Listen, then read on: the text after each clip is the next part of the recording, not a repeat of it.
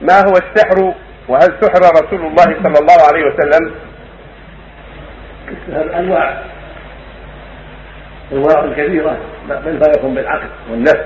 كما قال ابن من شر النفاثات في العقد وما يكون بأدوية مخصوصة وأعمال مخصوصة يعقدها ويفعلها الساحر حتى يتم ما اراد بإذن الله عز وجل كما قال سبحانه.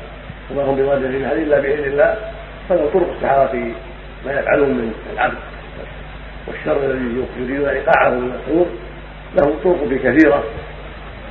قد يقع سحرهم بإذن الله وكونه قدري بمشيئته وقد لا يقع. فهو تحت اذن الله سبحانه ومشيئته جل وعلا. وقد وقع السحر النبي صلى الله عليه وسلم سحره نبي عفوا شخص من اليهود. سحر النبي صلى الله عليه وسلم حتى يخيل اليه انه فعل الشيء في بيته ولم يفعله لكنه لم يؤثر على عقله ولا على بلاغه ورسالته عليه الصلاة والسلام.